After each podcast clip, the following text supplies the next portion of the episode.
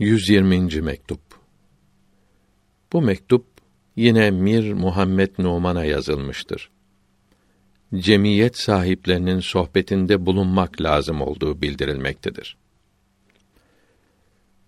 Mir Hazretleri unutmuş olacaklar ki bir selam ve bir haberle hatırlamıyorlar. Dünya hayatı pek kısadır.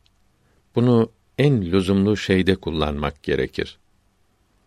Bu en lüzumlu şeyde kalbini toparlamış olanların yanında bulunmaktır. Hiçbir şey sohbet gibi faydalı değildir. Rasulullah'ın sallallahu aleyhi ve sellem eshabı sohbetle başkalarından daha üstün oldular. Peygamberlerden aleyhisselam başka herkesten hatta Veysel Karani'den ve Ömer Mervani'den daha üstün oldular.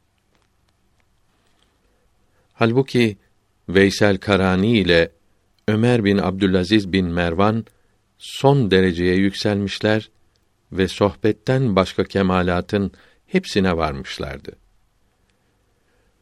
Bunun için Hazreti Muaviye'nin yanılması Resulullah'ın sohbeti bereketiyle o ikisinin doğru işlerinden daha hayırlı oldu. Bunun gibi Amr İbni As'ın yanlış bir işi o ikisinin şuurlu işinden daha üstün oldu. Çünkü bu büyükler Rasulullah'ı görmekle ve melekle birlikte bulunmakla ve vahyi ve mucizeleri görmekle imanları görerek inanmak oldu. Bu saydığımız üstünlükler bütün başka üstünlüklerin temelidir, kaynağıdır. Eshab-ı kiramdan başkası bunlara kavuşamamıştır. Veysel Karani sohbetin bu üstünlüklerini bilseydi hiçbir şey onu sohbetten alıkoyamazdı. Bu üstünlüğe kavuşmak için her şeyi bırakırdı. Allahü Teala dilediğine rahmetini saçar. Onun ihsanı boldur. Farisi Beyt tercümesi İskender abı hayata kavuşamadı. Nimete kavuşmak zorla, zerle olmadı.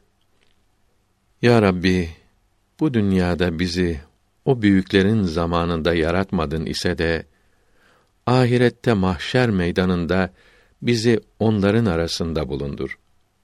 Peygamberlerin efendisi hürmetine aleyhi ve aleyhimüssalatu ve tahiyyatü ve teslimat bu duamızı kabul buyur.